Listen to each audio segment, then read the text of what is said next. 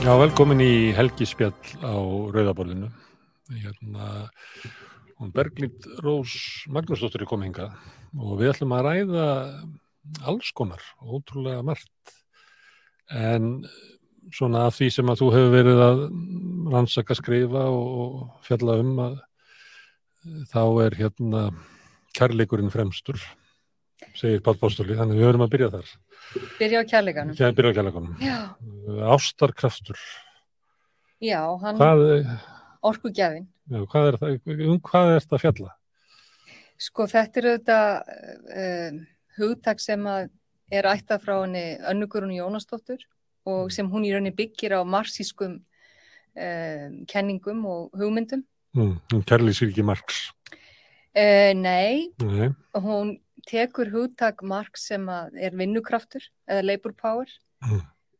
og uh, við vitum alveg hvernig það var skilgreint, ég meina það var skilgreint sem í rauninni megin orkugjafin, lífskrafturinn okkar að bara þessi þörf fyrir að láta gott af sér leiða, vinna, uh, orkan, lífsorkan fóra megnu til í, í vinnu og Þannig að seldu vinnu hjá Marx. já, já, Það seldu er vinnu kannski kraftur samfélagsins, og, aflið í samfélaginu. já, Já. og hérna Svo er ólunni vinna að það. Er það ástakrafturinn? Uh, að meðal annars, en ekki engöngu. Uh, hún er af einhverju leiti náttúrulega bara launuð og við erum að, að hérna, nota ástakraftin okkar í, ég sérstaklega í kennslu og umununar störfum uh, og í þjónustu störfum, þar sem við erum mikið í samskiptum og þannig að, að þetta er lífskraftur sem að kannski er ekkit minna virði uh, heldur en vinnukrafturinn. Því vinnukrafturinn er eitthvað sem að í rauninni skapaði hagkerfið. Þess að þetta er grundvöllurinn að hagkerfinu. Mælanlega hagkerfi. já, henni mælanlega hagkerfi.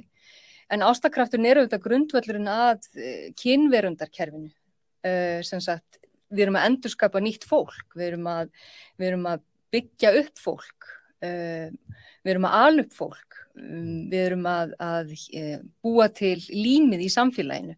Og það er náttúrulega mjög margir sem telja að þetta sé rauninni grundvöllurinn að uh, hagkerfinu. E, þetta kynverunda kerfi okkar. Því að við náttúrulega værum ekki til hér á jörð nema af því að við höfum þessa þennan ofbóðslega lífskraft sem að drýfur okkur áfram verður, verðum ástfangin við, við hérna gerum við skuldbindum okkur í ótrúlega, ótrúlega verkefni á þess að þú veist, fá nokkuð fyrir eða það er bara af því að uh, hugssjónin okkar og lífskrafturinn beinir okkur þáka. En um þetta hefur kannski ekkit mikið verið fjallað eða skilgreint. Uh, fólk er með mjög skilgreinda, skilgreindar hugmyndir um í hvaða eigðir vinnukrafti sínum. En það er kannski ekki endilega með mjög skýrar hugmyndir um hvert ástakrafturinn þeirra dreifist. Sem er að fara með henni í vinnuna. Já, já, sem er, og, og kannski deilónum ekkit ofsalega mikið inn á við í fjölskylduna, heldur kannski bara út á við Mm. e, og þykja meira bara inn á fjölskyldinu og þetta er eitt af því sem að, að það tengis kynjakerfinu e, og svo framvegis, þannig að, að Þetta er voða margt sko, ég er alveg á fullu að reyna. já, ég er líka bara að byrja sko, en, en því að þetta er alveg bara frá bara svona ástarkraftinum sem er bara bara ástinn og kærleikurinn Mhm. og yfir í ólaunuð umönnastörf mm yfir í eitthvað sem er bara allt hitt ef þú Mhm. tökur bara hérna, launaða hagkerfið mm -hmm, og er það bara allt hitt já, nei þú voru hjálpað mér að skilja Já, já. Nei, sko þetta er eh, eins og sko Anna Guðrún setti það fram, þá tengist þetta kynverundakerfinu og semst þessari svona eitt liðurinn er þessi umhyggjuvinna sem að hérna er að einhverju leiti skilgrind inn í hagkerfið. Við erum að greiða fyrir uh, slíka vinnu, uh, Norðurlöndin meira en önnurlönd. Og meira og meira kannski Já, það margt af því sem er núna launavinna var uh, ógreitt vinna sem Já. er konurinn og heimilum bara. sem hefur raunni skapað norrannum konum eh, miklu meiri möguleika á, í, inn í hinnu gamaldags hagkerfi e, því að þá sitja þær ekki einar með umhennunabyrðina e, heldur dreifist það notabenni meir og minna á aðrar konur. Þannig að, í rauninni kynjakerfið hefur kannski ekki mikið breyst en, en dreifingin er önnur uh, sem er kannski að ég passa uh, börnin fyrir ykkur Mm. í staðin þá sjáu þið um að sinna mér ef ég er veikur eða sinna öldruðum fóruldrum mínum Já. og uh, elda og, Mhm. og þrýfa og fleira sem ég, við, ég þurfti að gera allt saman áður. Mhm.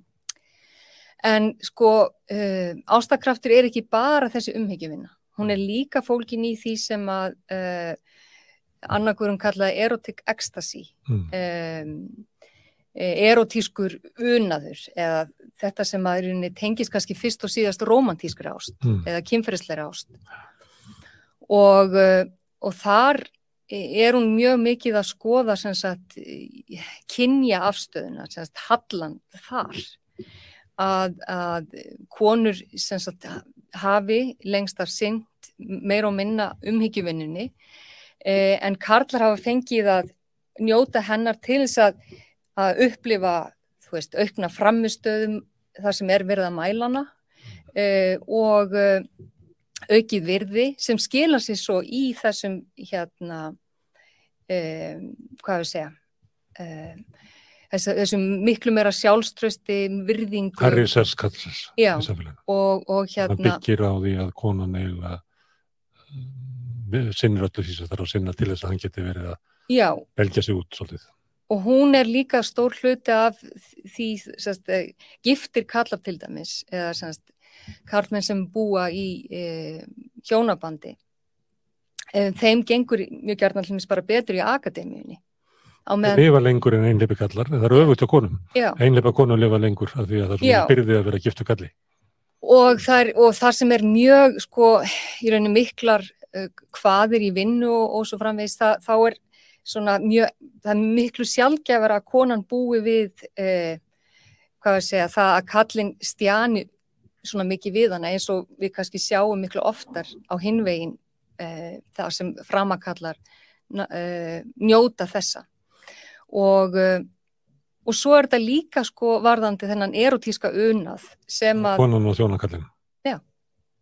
þannig að þetta snýst um sko hver gefur af sínum ástakrafti og hver um, fær og, og hvert fer þá þessi ástakraftur sem að karlmaðurinn um, auðvitað hefur í sér, ekkit síður en konur þetta er, þetta er svo engan veginn þannig að, að konur fæðist með einhverjum hætti með einhverja meiri þörf fyrir um, Samfélagi er fljótt að, að reka all á sinn bás, eða ekki? Jú, og, og hérna þannig að- að Karlinn getur þá nýtt sinn ástakraft í meira út af við um, sem að auðvitað skilar honum um, tilbaka ímsum um, kostum og svo má ekki gleyma því að ef að kallar veita af ástakraftið sínum út af við þá er meira tekið eftir því, þeir fá meiri umbun fyrir það. Það er gert ráð fyrir því að konur séu ummyggjusamar til dæmis í kennslumat í háskólum. En karlar sem sína slíka hegðun, þeir, þeir eru dýrkaði fyrir það Mm. uh, og, og svona fá miklu meiri á meðan það bara svona gefin staða að konan eigi að hafa sér þannig. Mm. Þannig að, að þetta er svona og svo er þetta annað sem skiptir gríðalegu máli í þessu að það er það tilfinningu auðmak sem við höfum í farteskinu þegar við hefjum okkar lífsgöngu. Og það er auðvitað ofsalega misjant uh, hvað fólk hefur raunni mikið bólmagn til þess að gefa af sér. Hvað út af hverju, hverju er mismjöft? Uh, það er bara hversu mikinn ástakraft þú fengið í, í uppeldinu og, og mikinn stöðning og hversu mikið öryggi þú hefur búið við. Mm.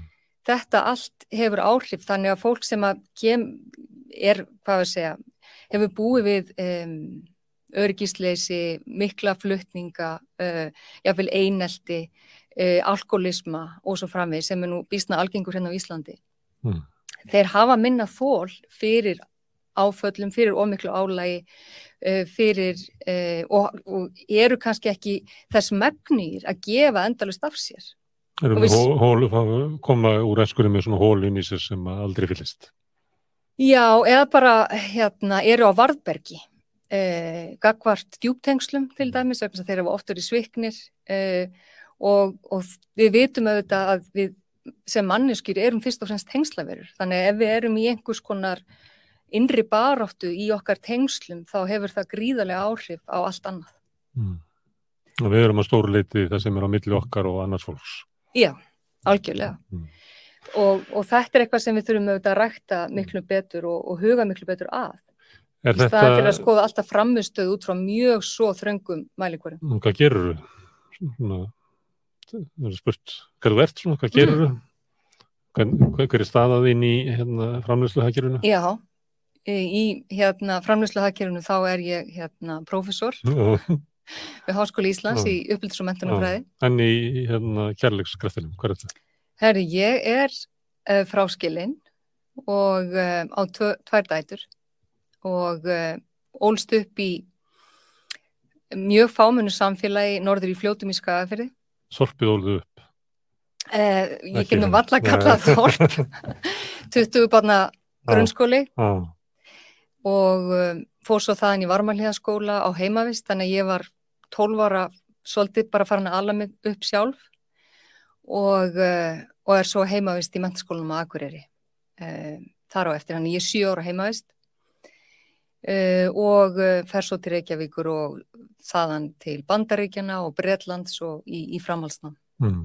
En að því þú lístur svo áðan að það skiptir svo miklu máli hvaðan við komum og hvernig, við njótum, er hérna þessi stelpa norðan, er það, hún fylgir alltaf mm og hún eiginlega hefur markað svona hvort þú tristir fólki.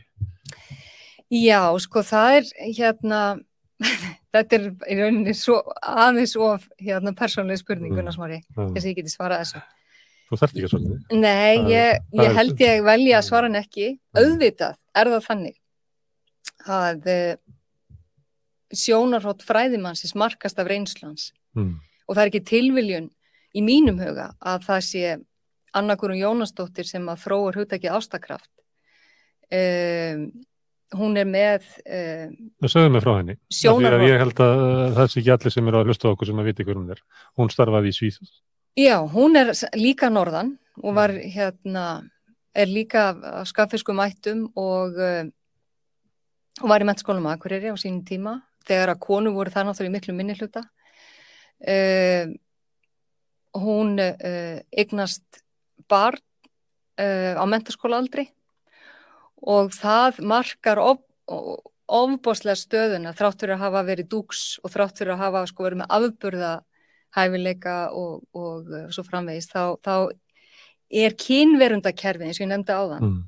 það tekur einhvern veginn yfir hennar líf miklu meira en, en, uh, en líf eiginmannsins. En nú er ég að túlka hennar sögu, Mm. bara svo, það er ekki Já. hún sem hefur hérna, sett þetta svona fram, en ég bara hef verið að kynna mér hennar sögu. Og uh, en hú, sko, það eru margir sem telja að það hefði mögulega hver sem er geta þróað kenningar um ástakraft út frá marxískum eh, hugmyndum. En fyrir mér er, er, það, er það ekki tilvíljun. Mm. Og, og það sem ég hef verið að skrifa til mér sem stjætt er meðal annars fólki í því að, að ég er náttúrulega kannski mjög gott dæmi um mannesku sem að ferðast upp stjættastegan. Um, og þannig ég, ég, ég veit hvernig tilfinning það er, ég veit hvaða, um, hvaða tækifæri og, um, og hvaða breytingar hafa orðið á lífi mínu við það.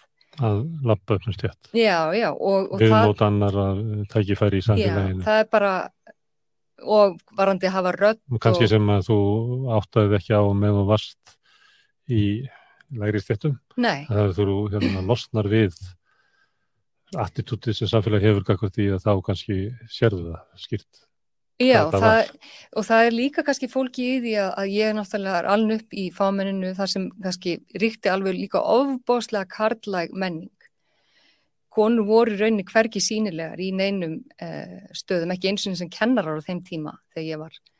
Um, og uh, en svo er ég líka með svolítið svona tvískiptan veruhátt að því leiti að, að, að föðufólki mitt uh, er hérna í Reykjavík og, og uh, og er mjög, sem sagt, já, hvað við segja, er svona með þennan svona millistjættar habitus og, og gildi og hugmyndur um lífið. Þannig að þá kynnist ég líka allt öru gildakerfi með því að fara inn í þeirra um, heimsýn í gegnum mínar heimsóknir og svo framvegis. Þannig að þetta hefur alltaf, og ég átti fyrst óbáslega erfitt með að laga, laga með að því. Þannig að þetta er, er svo, fyrir mér hefur það alltaf verið svo ofbóðslega skrítið þegar fólk heldur í fram að Ísland sé stjættlust Mm.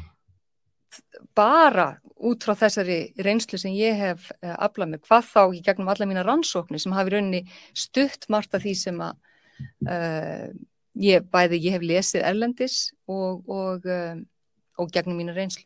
Mm. Er það ekki fátíðar í dag að fólk haldi fram Íslands er stjættlust? Jú, það, er, að- það hefur skapast gríðarlega, Það er bara meiri stjættskipting núna. það er Það- meirist, já, Húsnæðismarkarinn afhjúpar stjættaskiptingu fyrir ungu fólki. Það sem að þau sem eiga efnað fóreldra geta keft sér hinn eru fastur á leigumarkaði þannig að það er svona atrið.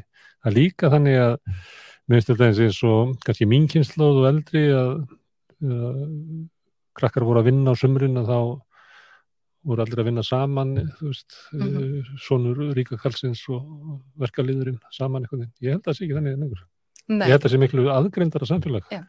Þannig að og það var stutt. hittast, hittast bara minna.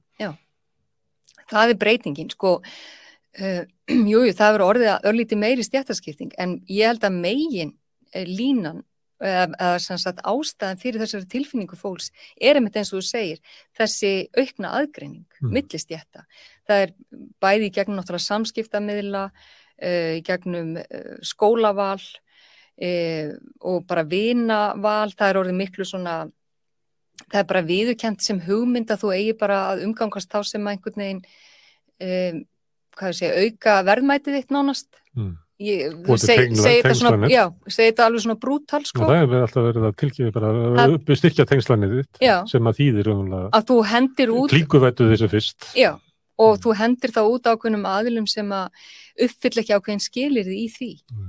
og það er líka hérna, mjög stjættengt uh, og, og þetta gerist kannski mörguleita sjálfu sér í gegnum framhaldsskólaval því það, það hefur líka orðið miklu einsleitari hópur sem fer inn í uh, þá skóla sem eru svona hæstir í stigveldinu Mm. uh, sem blöndunum þar hefur minkað og uh, uh, já, þannig að þetta er Og kerfið einhvern veginn svona sjálfkrafa ítur undir uh, Já. til dæmis með því að þeir kannski, þau standa sig best í skóla sem fá mestastuðning heima og það er á heimilum sem að hafa gengið netta Mhm. það er eitt. Annað er að fólk raða sér í hverfi eftir Mhm. akkurat og þetta er allt sem ég, er búin að vera að skrifa um Já, já. og, og þannig að það er bæði hverfasamsetningin og uh, skólavalið uh, og það er eitt sem ég vil leggja áherslu á því auðvitað höfum við alltaf haft líka þegar ég var að sækja um framhanskóla þá var það þannig að, að uh, það var tekin eftir engunum en Mm. þá þurftu nefndur ekki til þess að komast í þessa sem við getum kallað elituskóla um, uh, sem að í rauninni voru með hátt um, uh, hlutfall af, af nefndum sem þeir höfnuðu, hátt höfnar hlutfall uh, þá uh, var kannski nóg að vera með átta Mm. í, í meðalingun eða núna þarf það að vera með milli 9 og 10 og þá reynir miklu meira á að þú hafi farið verið keift handaðar ennsku námskeið eh, úti Í ennskumælandi landi. í ennskumælandi landi Mhm. og það, það reynir á að þú ert búin að þjálfa með þér ákveðna, ákveðin aga í gegnum mm, mjög ríkulegt tónlistar eða íþrótta uppeldi eða um, frá blötu barsbeini um, og svona þessi um, rosalega sinna og eftirfylgni með uh, Metnaðu fóreldrana, svona tækur móm stemming. Já, og virknið þeirra inn í skóla uh, kerfinu sjálfu uh, og sínileiki. Um, það er líka þannig að, kennarar upplifa það meira en áður, það hefur líka komið fram í mínu rannsóknum að það er meiri pressa frá ákveðnum fóreldrum um að nefnendur fái tilteknar einkunir og ég tala ekki um eftir að samlönduprófum voru lögð af og, og hérna um, skólaenkunni fóru að gilda meira inn í, í framhanskóluna. Þannig að þetta er alls konar um, mál sem að tengjast þessum breytingum. Þeir, eh, fóreldra sem að þrýsta á um að engun barsins verði hækkuð og það sé þá líklega í fóreldra sem hafi svona status til þess að gera það. Eða, Já. Já, ég meina það er bara þannig að þú kemur inn með þitt tákræna auðmagn, Mm, þú kemur inn í skólan með allt þitt auðmagn með þér og það er bara ekki að líta fram hjá því af því að við erum tengslaverur að það markar samskiptir, alveg sama hversu uh, fagleg við ætlum okkur að vera og þetta hefur og þá er að tala margóft um, um uh, peningalegt auðmagn menta auðmagn, Sko, félagslegt auðmagn. tákrænt auðmagn er í rauninni samsetningin á öllu þessu auðmagni, efnahagslegu, uh, félagslegu, menningarlegu og tákræna auðmagnið gerir það að verkum að þú, þú hefur rött Mm. í samfélaginu um, og þú veist, ég kannski sem kennari að uh, já, þessi fóreldri getur bara mætt í næsta viðtal einhver staðar eða hann getur markað hugmyndir svo stórs hóps um uh, skólan sem þú starfar í að kennar hann svo framvist þannig að það, þetta svo Það er bara meiri vald en kennarinn. já, í rauninni foreldra ræði hefur svolítið kannski tekið yfir hið venjulega líðræði vegna þess að ef við hérna stillum við þannig upp að aðalatriði sé að foreldrar séu nógu virkir í skólastarfinu þá þurfum við líka að skapa þannig tækifæri fyrir alla foreldra. Við vitum alveg að það eru ákveðin hópi foreldra sem hefur endalusan sveigjanleika í sínum störfum, Mm. getur hoppað inn hvenar og hvar sem er uh, og uh, skapað uh, sér og sínum um, betri valdastöðu Mm. og En einstæði móðurinn sem kemur að tala við kennaran, hún mætir ekki með neitt. Nei, það, er, það er sko allt önnur staða og þetta er, ég hef skrifað um þetta greina með Helgu Hafdísi uh, sérkennara uh, þar sem það var líka talað um hvernig uh, svona til dæmis bara fundir með sérfræðingum og starfsfólki skólans. Það er kannski 5-6 bara svona stóri dómi fyrir fram að þig og þú ert móður sem datt út úr skóla í framháskóla, hvernig líður þér og í hvað stöð ert þú gagvart öllum þessum hópi? Mm. og það er verið að tala um barnið eitt og hvað er mikið vandamál versus sko sérfræðingurinn sem að hefur alla einsýn í leikreglur skólasamfélagsins. Hann kemur inn og er sterkur í móti þessum hérna, Já. embættismönnum skólans mm og þau láta eftir honum. En er það, virkar það líka öfugt að vegna þess að, að einstæða móðurinn sem að þú tókst það með af, þegar hún kemur, að valdsmenninir í skólanum kannski bara heyri ekki hvað hann er að segja og séu svona líkleri til þess að segja bara nei. Sko það er miklu líklegra um, og það er eh, bara semst þekkt úr erlendum rannsóknum einnig að, eh, að þau vandamál sem að e, liggja á borðinu varðandi e, nefnandan eða barnið að þau séu eignuð foreldrinu Mm. ef að foreldri kemur úr lægri stjættum frekar en að það sé eignað kerfinu eða einhverjum eh, vandamálum í, í, í aðstæðum og svo framvegis. Öfugt við hérna, fólki sem kemur af sterkum heimilum að þá eru fóröldin óefnir að eiga svona óþekkt barn Já. en óþekka barnið er eiginlega afsprengi einstæða móðurins. Svolítið þannig sko. Og Þetta er miskunnarlust. þetta, er ansið miskunnalust og hérna um, og eitthvað sem að hefur skapast aukin meðvutundum og nú ætlum ég bara að taka það fram að það er um, sko í rauninni minni foreldravirkni hér heldur en víða annars þar, Mm. þannig að þetta er ekkit Þetta komið gæti komið. Ég er að segja það, þetta er Ég ekki meina, all- komið svona langt, við erum ekki með foreldraræði Allir hérna í skóla. Já, en það er allavega þess virði að ræða núna til þess að hérna koma sér koma sér hjá þessum uh, En að því að við erum að tala um skólana og þetta skiptir ekki um skólum. já, eh, Finnst þér mikilvægt að skólanir séu blandaðir og þá er ekki að tala um að séu fatlaðir og ófatlaðir, heldur að séu fátækir og ríkir, að það Mhm. séu innflytjendur og innfættir, að það séu alls konar fólk, ekki bara til þess að gefa, maður gæti hugsað að gefa hinnum lagarsettu meiri tækifæri, ekki einangrað en frá helstu tækifærunum, mm heldur líka til þess að gefa hinnum betursettu tækifæri til þess að búa í bara eðlilegu líðræðislegu samfélagi þar sem að fólk er alls konar. sko ég, ég er bara ekki síst að hugsa um þá sem að er Finnur verða til með garðabænum. já, sem verða elita landsins Já, og raða sér í allar helstu stjórnunastöður og uh, bæði á alþingi og í fyrirtækjum um, og öðlast þetta tákrana auðmagn í samfélaginu, öðlast rött uh, en raunverulega óhæfir til þess að, að fara með völd í samfélaginu verðast þeir skilja ekki samfélagi að þeir eru alveg upp í svo einsleitu samfélagi sjálf. sko það er hættan að þú missir þenn, þennan svona tengslu veruleikan og það er jafnfyrir alveg hætta í blönduðum skóla það er líka alveg þekkt að þú getur verið með blanda, bl mjög blandaðan hóp sem aðgrunni sér svo skýrt hver frá öðrum að, að það er nánast engin samlegð Nei.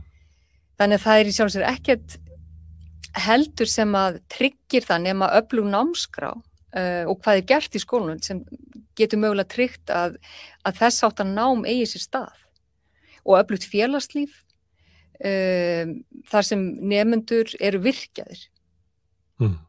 Í að hafa rödd þú sagði námskrá og þú veit ekki þáttu að búa til námskrá. Já, rétt.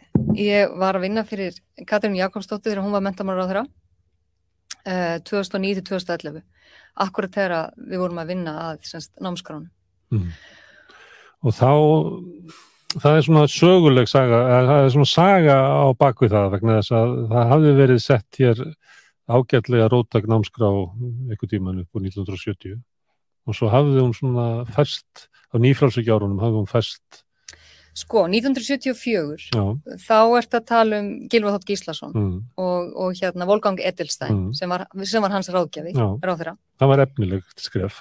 Já, já, þá er innleitt þessi hugsun einmitt um, um skólanaðgrinningar og um, um þessa, þessi mjög svona sterk blöndunar hugsun og um mikilvægi skólan sem í rauninni mentastofnun til þess að efla okkur sem líðræðistegna, sem vir, bara það sem við erum, allir er, eru um, fá vopn með sér út í lífi til að, að uh, móta samfélagið og hafa sjálfströst og þekkingu til þess. En það er sama og þið eru að reyna að gera það 2009-2010 eða? Já, það er En rauninni, akkur eru þið að reyna að gera það sama og að gera 74, er ekki búið að gera það? en það er, sko, það er nú vandin við allar svona stefnur, að það er náttúrulega eru aldrei uppfylltar fullkomlega. Það, það er náttúrulega væri algjör útópía ef að Já. það væri. En er ekki þannig á milli eitthvað tímabil þar sem að sko stefnan uh, fór annað? Þú myndir ekki segja það? Jú, jú, Já. sko, það er náttúrulega búið að vera, eh, hvað við segja, órói í mentastefnu mjög lengi, en Pólitíks barátta? Já, pólitísk Það er ekki allir á því að, að skólinn eigi að vera það sem eigi að jöfnur og virt líðræði. Nei, og sérst, en, en við höfum samt sem áður, um, hvað ég segja, staðið okkur líka ágætlega. Ég ætla nefnilega, ég ætla alveg að halda því til haga um, að um, við erum með til dæmis meira verk og listgreinum heldur en bara almennt gerist í löndunum í kringum okkur. Við erum uh, til dæmis með uh, sköpun og leik sem megin viðmið í í skólastarfi, í leik uh, og um, Það er nú minka. lægri stegum Ég er grunnskóla. með börn í, í grunnskólum og bara listagreinar eru bara að fjara út sko. Já, ég veit að þetta er að minka, en það er, Svo er bara sagt að það er svo erfitt að ráða og ég bara trúi ekki sko. Ég held þetta bara sparnaðurinn og aðhaldið bitnið þarna. það sem var náttúrulega gert. Og mér finnst það bara því ég á börn á ymsum aldri. Er með eitt svona örverfi Mm og mér, ég bara, mér finnst þess að það sé bara miklu vera. Já, já, sko, Svo ég verði leiðilegi maðurinn. Já. Mm. uh, en sko Barbara Kerr uh, er uh, uh, prófessor við Kansas og gerði rannsók sem að var svolítið fín, sko, vegna þess að bandaríska kerfið, af því ég var nú þar í tvö ár í mínu dóttorsnámi. Um, það er náttúrulega, það, það er náttúrulega allt þetta gengi svo miklu lengra, þannig ég þekki það líka, Mm. hvernig það er og hvernig sko ákveðni bara, ákveðna mæður eru bara svona gangandi velferðarkerfi fyrir skólan. Það verður ekki hún að missa þetta, svona, við erum ennþá, það er ennþá, Já, þa þar er það eina legin að foreldra komi og kenni börnunum að prjóna. mm, Uh, að fó, e einhver foreldri komi inn með, um, já, eh, sjálfbarni mentun. Mm, uh, eða þá er það sko svo mikið auka að það ásýrun ekki uh, einhvern mm. hérna, stað það komið út úr svona einu formulega skipulegi, Já. komið bara undir brúnna einhvern veginn, utan, borgamúruna. En við náttúrulega erum ennþá sko þessi grunnþættir sem að við Katrín settum á oddin þeir eru náttúrulega ennþá í gildi þó, þó séu kannski ekkit ofsalega margir af þeim ráþurum sem tóku við sem hafa kannski tekið almennlega utanum þá. Meina við erum hérna með sko áherslu á mentu til sjálfbærni um, og það er mjög skýrt að það er að vera grunnþáttur í öllu sem gert er í skólanum frá leikskóla upp í framhaldsskóla. Við erum með líðræð og mannréttindi sem annan grunnþátt. Það sem, við, það sem áherslan er ekki síst á að nefnendur sko læra að lifa í líðræði og þú læra ekki að lifa í líðræði nema þú hafi blöndun, nema þú hafir um, ólíka aðila til þess að uh, ræða við og takast á við. Um, í þriðalagi er það sköpunar um, grunnþátturinn og það eru auðvitað, list og verkranir eru auðvitað leiðandi þar en það er ekki síðu verið að leggja áherslu á að við hérna lærum í gegnum leik og að við skoðum sköpunarkraftin í öllum greinum. Uh, í fjórðalagi er það heilbrið og velferð og mér sýnist uh, það verða svona bara aðalatriði núna hjá núvarandir á þeirra. Uh, þannig að það er svolítið eins og hver á þeirra taki svona eitthvað smá ánga af þessu og, og hérna og innleiði með, mm. með sínum hætti samt. Mm. Ekkit endilega í þeim takti sem var sett upp. Þannig að, og þetta er sko að því nú er ég búin að vera í rannsóknum á mentastefnu og við Jón Torfi skrifum með mitt greinum um uh, þróun uh, mentastefnu hérna í Íslandi í samanböru við Norrlöndin. Og það er alveg augljóst að það eru ofsalega mikið ráð þeirra ræði hérna á Íslandi. Mm. Þannig að jáfnveil einhver plögg sem hafi verið samþygt og það þetta hefur reglugerðar ígildi hérna aðanámskráin mm. þá er eins og það bara einhvern veginn skipt ekki máli þegar kemur nýjur ráþri sem þarf einhvern veginn að sanna sem er nýju plaggi mm.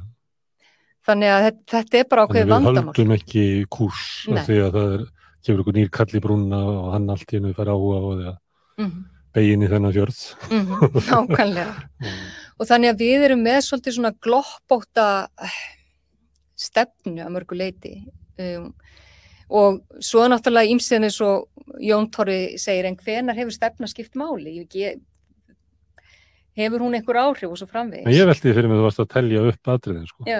það sundum er bara fullt af orðum en það er engar gjörðir sko. svo ég veitti nú í útigánsmann sem var satt í stólnum þínum hérna í gerð mm -hmm. hann var alltaf að fá okkur orð hvað þetta gera fyrir sig og hann ætti að fara á hitt og þetta og þannig að þetta er bara orð þannig hann er bara með þá reynslu að það er bara ekkert samíkja á milli orða og gjörða Nei. í félagsmála batterir Reykjavík. Og kannski er þetta ákveði vandamál hérna hjá okkur Íslandingum að við erum, við leggjum alltaf mikið upp úr því inn í uh, ráðunitunum og að búið til skjöl. En kannski leggjum við... Og fótóopmyndir fyrir ráðurann að skrifa undir eitthvað út í raunni helst. Já, en mm. þú veist, það vantar kannski að koma þessu öll í framkvæmt og eh, mæla það? Já, við mælum nú ímislegt. Ah, þú vilt ekki mæla það? Jú, jú, bara endilega. Bara, og það er, ég menna, ég var að mæla hérna, ímislegt á samt mínum félögum uh, í sambandi við dreifingu stjætta og þetta er allt mælingar. Já, að, en svo er þú með markmið og þú ætlar að fara eitthvað. Já, en, en ef er... markmiðið er hérna Eh, minni stjættaskiptingin af skólana þá er það að mæla það og það verður fylgst eftir því og þá verður bara bíp, bíp, bíp yfir hagaskóla það verður bara ekki nógu mikil mm -hmm. hérna, það vantar við verðum að byggja við verðum að byggja eh, félagslegar íbúðir í fósfói til þess að bjarga skólanum frá því að verða á einsleitur þá væru við í svona aðgjörðum mm. en við erum það ekki Nei, uh, ég sko veit Meiri segja því að tala um hverfin að það var talað þannig um að það er vandamál hvað er mikið innflytjundum í bregðulti en það er vonlust að fá að tala við fólk um hvort það sé ekki vandamála sig oflítið innflytjundum í 107 Já, sem er vandamál sko Já. því að ég þekki fólk sem er fátætt og býrið í hverfi og það er bara rosalega erfitt Já. að vera hérna, einstað móður barns sem er í skóla þar sem að flestir hérna, hafa það efnastlega gott eru af heimilum með mikla mentun og mikil stuðning. Það er bara mjög erfitt. Já það er það. En, en ég veit eins og að Reykjavíkuborg hefur verið að reyna að skoða sagt, búsetu þróun og, og uh, þannig að þessi svið sem að töluðist nánast ekkit við hérna fyrir einhverjum árum, þau eru aðeins fann að tala saman. Já, svo er það líka konið með hagaskóla upp í Ármúla. Já, svo er líka það. það er líka það. Herðu, ástarkrafturinn, því að uh, þetta svegðist aðeins yfir í stjættir. Jú, jú. Ég er ennþá að reyna, reyna að skilja. Hérna, finnst þér að með því að hugsa um þetta svona, mm -hmm. að þá uh, sé það einhvern veginn að þetta sé góður staður til að horfa á uh, ójöfnum millir kynjana mm -hmm. og að með því að standa þeim hól og horfa á það, að þá gætu við fundið ykkur að lust, þannig að, að við gætum unnið gegn hérna, ójabrétti. Er, er, er það, heldur þú sett með svona sterkan líkil eitthvað nefn? Já, sko mér fannst þetta, þegar ég las þetta, Uh, af því þegar ég les kenningar þá hugsa ég náttúrulega alltaf bara um hvernig ég er hægt að nýta þær Mm. því að kenningar eru það nýtilegasta vopn sem nokkuð maður getur Mm. nýtt sér ef, að, ef hún er góð Það er hún ekki gagna kenningun nema bara virki eins og hvort annars eldursávald. Eh, En að nákvæmlega. skera með því, að snæða með því eða hakka Nákvæmlega. með því að gera eitthvað. Já, Já. og ég, ég uppliði þetta hugtak uh, algjörlega þannig og en hérna annarkurinn að sjálfsög leggur áherslu á að það, það, við þurfum mörg Það hérna, er ekki einlausn við öllu. það einlöst með öllu og, og, uh, og það auðvitað við um, um ástakræftin en Kemur hugmyndu það, hvernig, uh, kemur hugmyndu hvernig þessi kenning Mhm. getur orðið að verkværi. Já, uh, sko það er náttúrulega, ef við hugsum bara um uh, hjónabansarákjöf, Mm. Þá náttúrulega hlýtur þetta að vera gríðarlega mikilvægt verkfæri uh, þar. Uh, til dæmis bara að skoða uh, romantísk sambönd eða sem sagt uh, romantíska ást, hvernig hún, uh, hvernig við einhvern veginn göngum inn í þetta kynjakerfi uh, og Og þá fyrir maður að spyrja sig, býtu, af hverju er ég að gefa svona mikið eða af hverju gef ég svona lítið og svo framvegis til þess að byggja upp tengsl eða byggja upp sambönd. Uh, ég held að það sé, já, til dæmis eitt gott dæmi Mm. uh, og, og svo finnst mér annar mjög gott með, dæmi. segjum að sér með hérna, ungt par sem ólst upp á tímum nýfrálsvíkunar í upphafinn í einstaklisíkju Mm -hmm, og öll upp- upplifaða bæði mm -hmm. eða báðir eða báðar Já, að ég sé alltaf að gefa og ég fæ bara ekki nóg já, já, já. En þá er hérna, er þetta nýta nýfrálsvíkjuna líka í að kortleggja og Mm. skrá allt niður og, og hérna, og ná- eru að þróa hérna tvær stúlkur app, þær eru að þróa app Já. sem að hérna, sem heitir Heima Mm. og uh, þar er sem sagt hægt að skrá niður bara öll helstu bara smáverk heimilisins Mm. mm. og þetta er svona dæmum bara umhyggjuvinnu sem er, verður oft ósynileg sem að kannski hvorugt áttar sig á að sé að gera. Mm. og mikilvægt að sjá það með einhvern hætti jafnvel svona hætti sem að virkar Já, en, en þá er þetta leið til þess að þetta verður allavega sýnilegt og að setja ræð um það já, en, en um leið og að rétta það þar með en um leið er þetta oft sko svo eigðileggjandi afl, þú veist þessi hugmynd um gagnaöflun á öllum sköpum hlut Mm. vegna þess að við sjáum til dæmis bara í, í e, skoskum leikskólum að núna þarf að telja sko hvað börnin hérna námörgum orðum og það er að vera endrast að trubla þau í leik Mm. og það er að því að það er að sapna svo miklum gögnum um árangur mm. til þess að geta metið sem sagt, um, þróun í, í móðumálunni og svo framvegis. Og það breytir samskiptum uh, fagfólksins við börnin að þú, þú ert alltaf bara með síma og taka myndir og safna gögnum og, ekki Og- góðu vinur sem er og þú getur ímyndað hvað það myndi gera fyrir sambandið. Já, það er ekki góðu vinur sem er alltaf að mæla mann Nei, Já. þannig að þú veist, þetta er, þetta er samt sem áður eitthvað sem er, er í þróun og ég vildi nefna og hefur ábyggilega einhverja kosti en augljósa galla líka því að þetta getur einhvern veginn allt undið ómikið upp á sig og, og það eðlilega flæði sem við viljum hafa í samskiptunum auðvitað getur trublast. Mm. Um, þannig að skapa aukna meðvutund er auðvitað líki, líkilatrið og, uh, og þá um leið að skapa aukna meðvutund um hvernig einstaklingsvæðingin sem er búin að vera hérna allt um líkjandi hefur kannski gert okkur líka sjálflægari uh, fyrir vikið. Mm.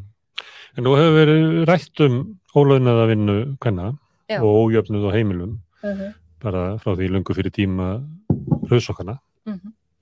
Hvað er eh, öðruvísi við þessa nálgun heldur en bara það sem rauðsokkuna voru með? Sko, Það voru sumar marxíska líka?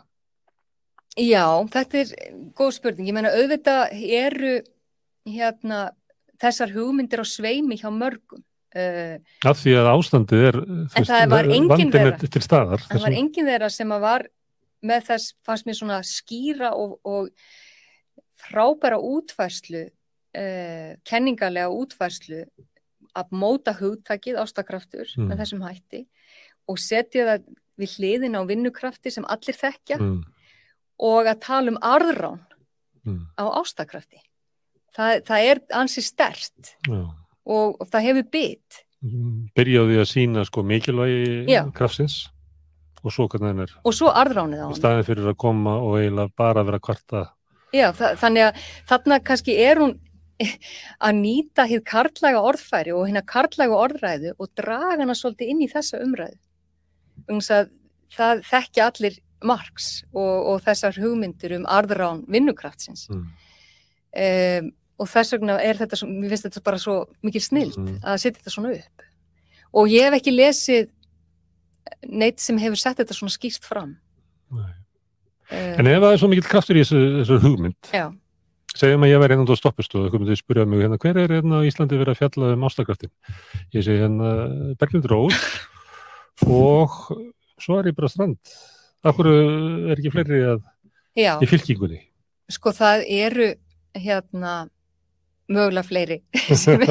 Sko við erum með hérna við, Silja. Bára og fleiri stofnum hið Íslenska Ástaranssonafélag. Ná, rannsóknarstofnun Já, sem að hérna við erum alltaf að reyna að fá fleiri og fleiri inn í og, og það eru eru líkil nöfn eins og Anna Guðrún og, og Eva Ilú sem hefur verið að skoða í rauninni markasvæðingu tilfinningana, uh, ekki síst ástar og, uh, og fleiri sem við einhvern veginn höfum verið að reyna að kynna fyrir uh, landsmönnum. Og í rauninni er náttúrulega ótrúlegt að það eru 30 ár síðan að Anna Guðrún setti þessa hugmyndi fram með ástakraftin og við erum bara hér. Og við erum bara hér. Já, við erum ekki komið lengra. Og það er auðvitað það sem ég, ég bara mun seint jafna mig á og annarkurinn hlæri nú að því sko, hvað ég er bitur Já, yfir því að hafa verið að kynast þessu svona seint. Mm. en um, Okkur sagði mér þetta ekki? já uh, því að ég fór í gegnum mitt svona kynjafræði mentunarnám og, og tók ímsa kursa sem að já, það sem ég fekk ekki einsýn í, í hennar kenningar þó ég að sjálfsögðu nýtt bara frábæra, lesið marga frábæra fræðimenn en þetta finnst mér bera af Hefur þá trúað því að eftir einhver tíma verði e, þetta tungutak og þetta sjónarhótt og svona það sé fyrir að líta stjórnmálumröðina, kröfugerð, hvernast þetta? Þetta Já. verði svona það Sko- stort hugtak, bara megi, eitt af megin hugtökum samfélagsumræðunar. Sko bæði náttúrulega Sonja hjá BSRB, hún hefur nýtt þetta hugtak nú þegar. Mm. Uh, ég veit ekki með uh, önnu sólvegu, hún náttúrulega talar mjög mikið inn í þessa hugsun. Katrín Jakobsdóttir hefur gert það líka í sínum ræðum að einhverju marki. Þannig að þetta er komið á flug, þetta hugtak Mm. og ég er náttúrulega sjálfsögð mjög ána með það Mm. því að ég hef engan áhuga að vera einhverjum fílabæsturni hérna upp í háskóla, ég vil einmitt hafa áhrif. Þetta er eh, á rót í Marx, Já. það sem þú ert að skoða í sambandi við stjættaskiptingu í skólunum. Já, það, er það er á vísu, sko, ég tengi mig meira við Bourdieu, Pierre. Bourdieu, annars konar, sem að auðvitað nýtti kenningar að einhverjum hluta í sinni ef kenningu. ekki, uh, hérna, að því að þú ert uh, prófessor í þessu, segðu okkur munin á, á, á stjætta hugmyndum uh, Marx og svo, Já, ég get, það, það er bara mjög, ég get reynd að gera það í mjög stuttumáli. Uh, Marx var náttúrulega fyrst og fremst að hugsa um efnahagslega nauð og skiptingu á honum Mm. og, og hann skipti í rauninni, var með þessa tvískiptingu, það er náttúrulega bara auðmagseigundur og svo uh, verkamenn. sem er ekkert að selja nema vinnu sína, Já, og eitthvað Eh, tapa nema leikjónum. Akkurat. En Bourdieu taldi að þetta væri talsett flóknara því við værum auðvitað með efnahagsauðin og hann auðvitað kannski væri það mikilvægasta. Hann er ekki komið lengra inn í, í annað samfélag. Að sjálfsögðu. Þannig að hann benti okkur á að menningarauður og félagsauður væru líkil, uh, væru ekkit, hérna, væru síst uh, uh, mikilvægir og, uh, og það má er einni mikilvægir. Já, væru Já. einni mikilvægir. Uh, þannig að, að, og skólakerfið, það auðvitað hérna, byggir mjög mikið á uh, þeir sem að kannski njóta sín best í skólakerfinu eru þeir sem hafa mest af menningarauði, ekkit endilega af efnahagsauði. Mm. Og það er svona gott dæmi um hva, hversu miklu máli skiptir uh, að hafa menningarauð. En Þetta ruggla svolítið fólk í samfélaginu þegar það verið að tala um stjættaskiptingu já, og þú nefndir hérna, Solveig Önnu, hún lendir oft í þessu að hún er að tala um sko, millistjett og lástjett og hérna, attitút millistjettana til lástjettina sem já, gefur lástjettin ekki bara sína í rödd, þetta vil Mhm. tala fyrir hana. Mhm, og þá fær hún rosalega harkalega viðbröða móti að því að það er fólk sem að tilherir millistjettinni í þessari skilgreiningu sem á félagslega nauð og mentaauð en já, er bara skýtblánt alls skýt Já, og finnst bara Já. fáránlegt að það get ekki þá talað við þann sem er blankur og er blind fyrir því að svo sem er blankur hérna meginn, hann á enga félagslega nauð, engan mentaauð og er eiginlega bara mhm, person non grata í samfélaginu. mhm. En Þetta eru, þetta, þetta við ættum kannski að, að hérna, þetta- leggja okkur fram um að, að, að kynna þetta fyrir fólki svo að, að losna við ykkur átök á milli hópa sem er óþörf. Og sko ekki nómið það, heldur safnar þessi hópur sér saman til mis í hverfum alveg eins og Þannig að blanka metafólkið. Já, já, Já. og ekki, það er nefnilega uh, að sjálfsögðu hérna tímabundi blátt Mm. um, og, en það er að vísu að, Stundum lengis á tími. já, já, ég Já. þekki það nú uh, og, og það er auðvitað, ég veit ekki, þetta er nefnilega svolítið erfið umræð vegna þess að uh, mín skoðun er svo að, að uh, að millistjættin og læristjættir ætturinn að vinna miklu meira saman Það eru alla samilega hagsmunni. og ég skil ekki af hverju sko, þessir hópar taka sig ekki miklu, miklu betur saman. Akkur heldur að sé? Vegna þess að mentakerfið hefur kent ákveðnum hópi að aðgrana sig mjög skýrt Þannig að, uh, ef, ég nú ætla að halda áfram að tala bara í svona einföldunum. Þannig að Mhm. blanki, hérna, millistjættar maðurinn, Mm, hann hefur hérna þennan mentaauð og félagslega auð sem hann gefur, sem er allt sem hann á. Og hann sér hérna fátaka, fátaka konuna sem á ekki neitt. Mm, og þetta er bara svo mikilvægt sem hann hefur. Já, að ef hann sleppir þessu og fer að berjast uh, þá er eiginlega, já, það er bara rosalegt sjálfsmyndar álag það er það. að þurfast að horfast í augu við það. Og þú ert kannski búin að bú, koma þér í mjög mikla og erfiða skuldast vegna þess að þú mentaði þig svo og svo lengi eh, sem að rýrir kannski enn frekar kjörðin uh, og þá er þá finnst þér einhvern veginn það ennþá erfiðara að þú sért settur einhvern veginn í hóp með uh, fólki sem hefur ekki rata mentavegin.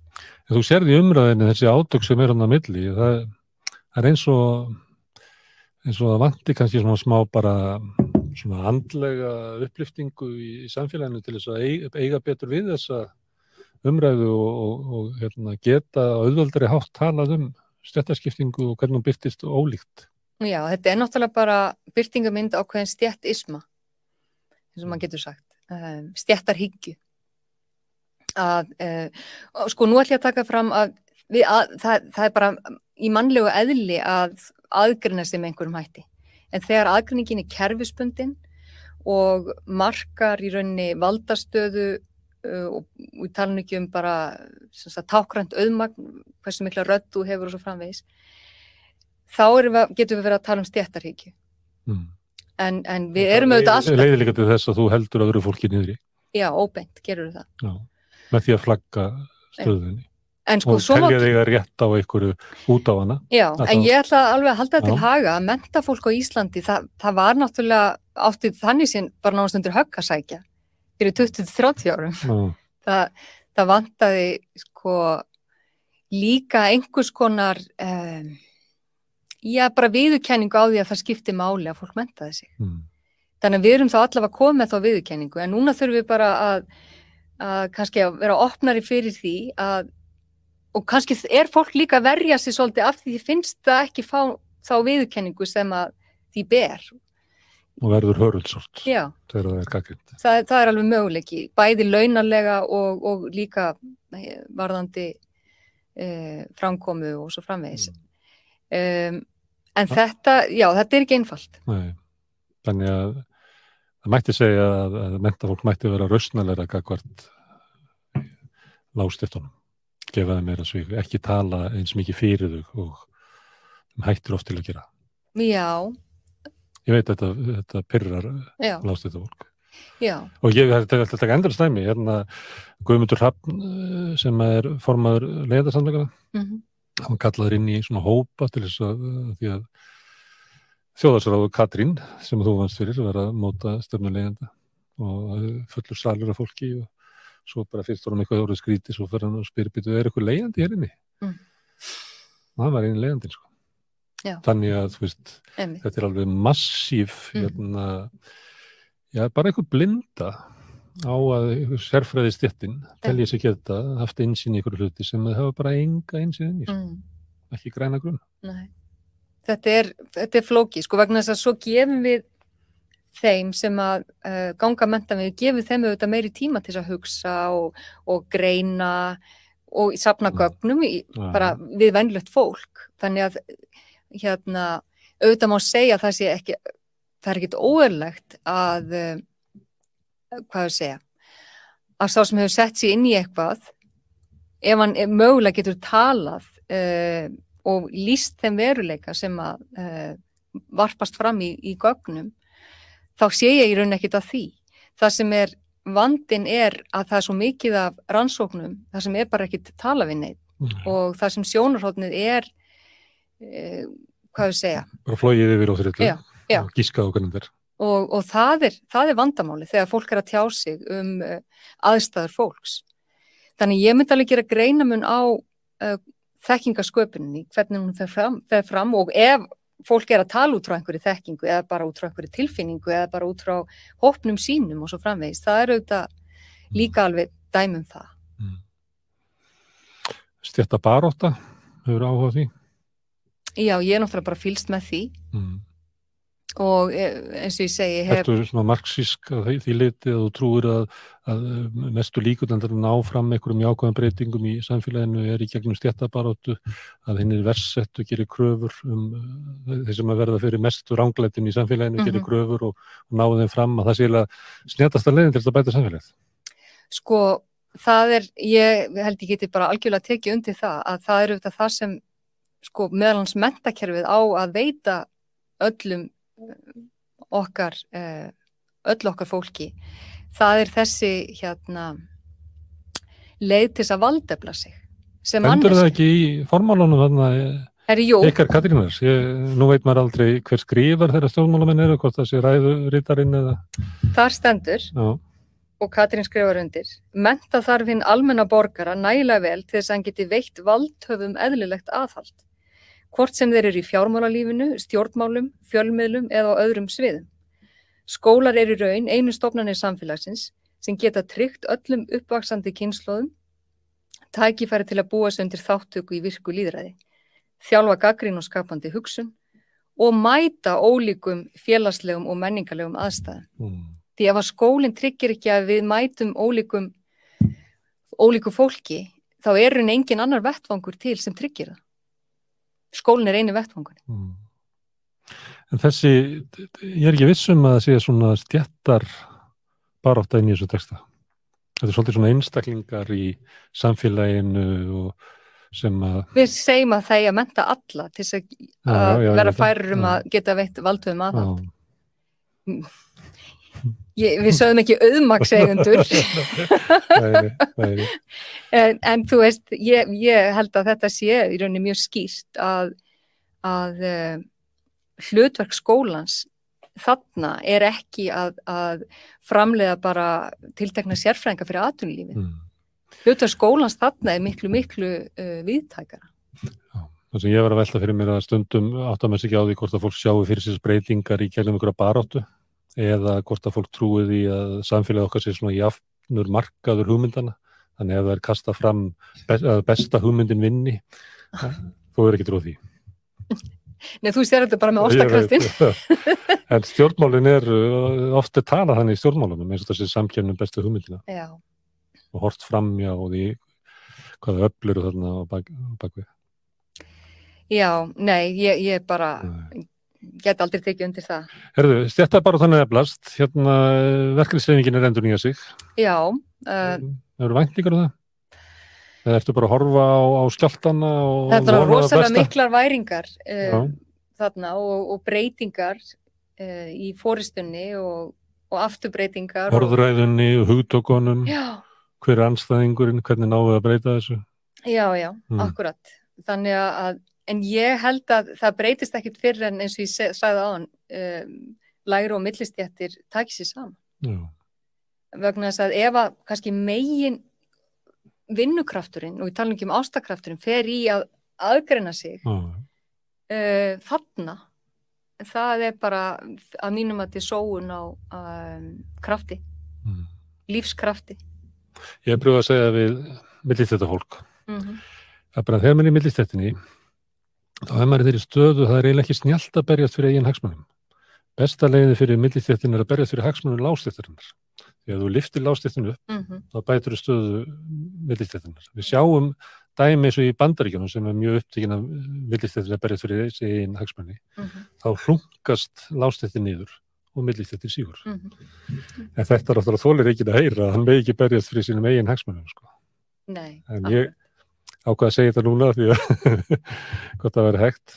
Herðu, það er breytingi í, í, í stjættabartunni. já, Hvenna, því að ástakrafturinn snýst svolítið um svona feministka baróttu. já Hvernig hérna, hefur feministka baróttu það?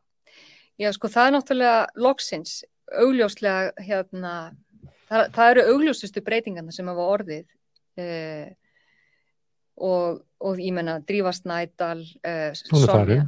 Já, en hún er var náttúrulega mjög virkur feministi og talaði mjög mikið fyrir þessum eh, markmiðum, eh, Solveig Anna, eh, þannig að að vera allt í einu komið með svona öflugar konur í framvarðasveit það er auðvitað bara held ég ein mesta breyting sem hefur orðið hérna á valdakerfinu Mm. í íslensku samfélagi í langan tíma. Í stjórnmálunum líka, það eru fórustu konur í stjórnmálunum. Það sér þetta að þegar við erum hérna með rauðaborð þá erum við að fylgjast með kostningum hér og þar Mm -hmm. og þá er maður svona að reyna hérna, fær maður eitthvað sérfræðing og, og svo lappa maður ekki ennum flokkana að til dæmis í Skandinavíu þá er 80% af leiðtónum konur þetta er að verða kvennast jætt að vera í stjórnmálum og þá er líklega að fara að lækka, launin að lækka og áhrifin að minga að því að konundar komnar En þú veist alveg hvernig það virkar sko, ég meina þá veit maður að valdi hefur færst eitthvað annað. Það það, já, það er það sem ég var eiginlega gruna sko. það, Það er bara færst til stórfyrirtækjana Já. sem er stýrt auðvald er orðið svo stert Og það þarf eiginlega ekki að reyka stjórnmálum nei, auðvald eru svo stert og bara síðustu tölur, hvað voru það? 5% eða það var innan við 5% kvenna sem væri, væri eh, stjórnaformen stórfyrirtækja hérna á Íslandi. Eh, Einhver eina eða tvær. Þannig að við, það, það hefur bara nánast ekkert haggast allan þennan tíma.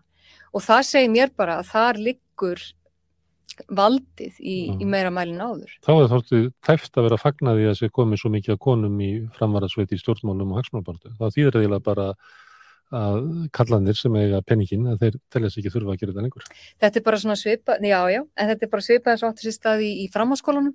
Allt í nú voru konur orðnar sko rítstjórar allra, allra hérna blaðaútgáfi en svo emitt þegar maður skoða þetta aðeins víðar þá er náttúrulega komin hérna kvikmynda áherslan og þar voru náttúrulega strákarnir bara. Þeir eru búin að missa áhugan á, á hinn og þá bara er tilfærsla og þá er aðal sko skemmteðatrið vídeoskólans og svo framvegis sem varpar fram byrtingamind skólans. konuna sem að unnu sigur með því að verða riðþurar sátt eftir í ykkur skugga Algjörlega. mm. Þannig að sko þetta er svona verður þetta þar hanga til að við leðréttum ástarkraftin Já, það má kannski segja það og, og það er auðvitað líka annað í þessu að, eh, og það er náttúrulega er gömulsá og ný að, að, konur og stelpur þar þjálfa sig svo miklu meira bara frá blötu barspeini í að passa börn og í að hérna, þjálfa sig í þessum umhyggju þáttum á meðan strákarnir þjálfa sig ennþá meira í þessum tækniþáttum og ef við erum að verða alltaf tæknivættari og tæknivættari þá erum við líka komið með rosalega skrítna slagsíðu þar á.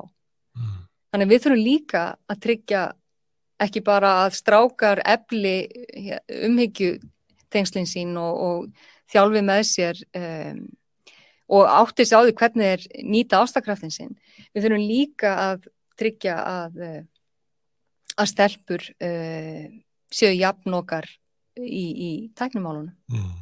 og uh, forritun og, og uh, öllu því. hvernig gerum við það? Þegar með sumt sem út að segja sko eh, að því ég nefndi hann að verklisefingun og feministka baróttu og svo árangur hvenna í hagsmuna baróttu og stjórnmálum hvernig það koma og þá bara allt í nörðu búið að breytast og svona að stundu fyrst manni að kannski að það þurfi eiginlega bara svona eiginlega eins og andlega vakningu. Mm Mhm. við, þurfum eiginlega bara að rata einhvern veginn út úr einstælisíkjunni. Ég var að, var, hérna, Agnieszka Sokolovska var hérna að tala um það hvernig er að vera Íslendingur, Mhm. nei, innflytjandi á Íslandi og hvernig Ísland, íslenskan er notur sem svipa og, og hún finnur það að hún muni aldrei sleppi gegn, hún er aldrei viðurkend af því að hún muni ekki losna við hennan pólskar heim, hún kom inn á 24 ára gömul og alveg eins og ef þú myndir flytja til Fraklands losnar aldrei við íslenskar heimin og getur aldrei talað eins og Algjörlega. við losnum aldrei við þetta. Og svona í þessu er svo mikil sko, það er svo mikil verið að halda fólki niðri og þetta er svo mikil mannvonski í þessu að maður er alltaf fyrir sér að, að það er að gera þetta í baráttu og þetta, það er nöðsynlegt að gera þetta í baráttu en kannski er það bara þurfum við bara eitthvað eins og andlega vakningu bara að hérna við skulum bara hérna hvað er það, ekki vera fáviti Mm veist, það er eiginlega Bara vímefnalöst Ísland það hérna er eins og- bara, að við verum bara að fara að fókusir á því að þetta er bara ekki við hæfi Nei, það er svo margt í þessu samfélagi sem bara er ekki við hæfi. Nei, en ég get svo sannlega tekið undir og Eva Harðardóttir, dóttursnemi og samstagskona mín er einmitt að skoða stöðu íslensk flóttafólks bara inn í framhanskólakerfinu og, eh, og innflytjenda og, og það er auðvitað bara mjög sláandi. Í fyrsta alveg náttúrulega er þeim sapnað í tiltegna framhanskóla og þurfa alveg sama hvar þau búa. Og svo eru auðvitað heilmörg sem að þannig sé bara fá ekki yngungu af því þau tala ekki íslensku. Já. Og, en það er svona, tekniskólinn er svo skóli sem hefur opnað sig kannski einna helst fyrir þessum hópi sem að hefur, já, enga íslensku það, kunnáttu. því, það er bara því að við viljum fá pólska smiði sko. ég held að það sé bara Já, þú veist, þú, sleppur þar inn en að, að, annars það er bara mætið bara tömlusi fordóma sko. já, og útilokun já. Þannig að, þe- og þetta er sko svo ofbóðslega viðkvæmur hópur sem ég rauninni þyrti að fá í flóttafólks, sem þyrti með að Já. fá svo mi mi mikinn ástakraft frá íslensku þjóð og uh, um, og bara um, sinnu og aðtegli og, og svo þetta sem hún nefnir að njóta verleika sinna ég menna, það er náttúrulega bara sko gömul saga og ný, hvernig farið er með já, erlend mentafólk hérna á Íslandi mm. og, um, og það er eitthvað sem að er bara svona gott dæmi um hvernig verleika ræðið er ekki að virka. Um, stílmenta fólk er notað til að skúra já, rannsóknarstofur Mm. og mér hljóði hérna. Herðu, hérna ég vitnaði í viðtöluna við rauðaborðið. Mm, að þú ert að tala um ástarkraftin ég var að tala við útigánsmann í gær Örn Sigfússon. Mm og mér var beðin að lýsa svona sínu lífi og það var náttúrulega um, ömulegt og svo hvað hann vildi helst, hann vildi bara fá heimili þar sem hann geti fengið að ráða sjálfur hvað er í matinn og elda og ráða hverjum við byggði heim og eitthvað svona. En svo var hann að tala um glímu sína við hérna kerfið. Mm og þá orðaði hann þannig hérna ég finn aldrei fyrir velvild. Ég finn aldrei fyrir góðvild. Akkurat mm. svo fór ég með honum út á Granda og vorum að ræða við þetta. Þá sann, þetta er að versta við að vera á götunni að maður það er engin ástakraftur nei, maður fær engan kærleika Nei. og endanum þá getur maður ekki gefið neitt kærleika Nei, akkurat. Því að í rauninni, sko, eins og maður þekki bara í hérna, þegar fólk er að byrja ástasambönd, að það magnast upp einmitt að því fólk er að gefa hvort öðru svo mikið, að það þetta er magnast ásalegt, þú bara þess að það hefur ekki verið til áður. Nei, það magnast upp Já. einmitt af því að gagnvirknin er svo brjáluð. Já. og uh, en þarna er kannski einmitt engin gagnvirkni, Nei, heldur og bara einstefna. rættur öllu og svo þegar er engin kærleik eftir að þá er lífið orðið Já. óbærlegt algjörlega. Það er hérna e, sko því miður sína gögn e, sem að Eva Ilús og fleiri e, hafa verið að fjalla um að náttúrulega einsemt sem fyrirbæri er náttúrulega að fara bara mjög vaksandi og, e, og það á við bara í öllum stjættum e, og tengsl brotna upp e, og e, og fólk á erfiðara með að treysta eftir alls konar áföll í tengslum. Og þar með að skapa ný og og vekta gömul já, þannig að þetta er eitthvað sem að uh, við sem samfélag þurfum virkilega að skoða og velta fyrir okkur. Já. Það er einhver svona sve- mikla þetta í samfélaginu. Já, það má segja það. Berglind Rós, þakka fyrir að gefa tíma til þess að koma hérna við rauðaborðið og við segjum þetta eh, gott og segjum bara góða helgi og rauðaborðið verður næst á mánudaginn klukkan átta og þá ræðum við fréttir þess dags og tökum ykkur mál fyrir. Takk fyrir, góða, góða helgi.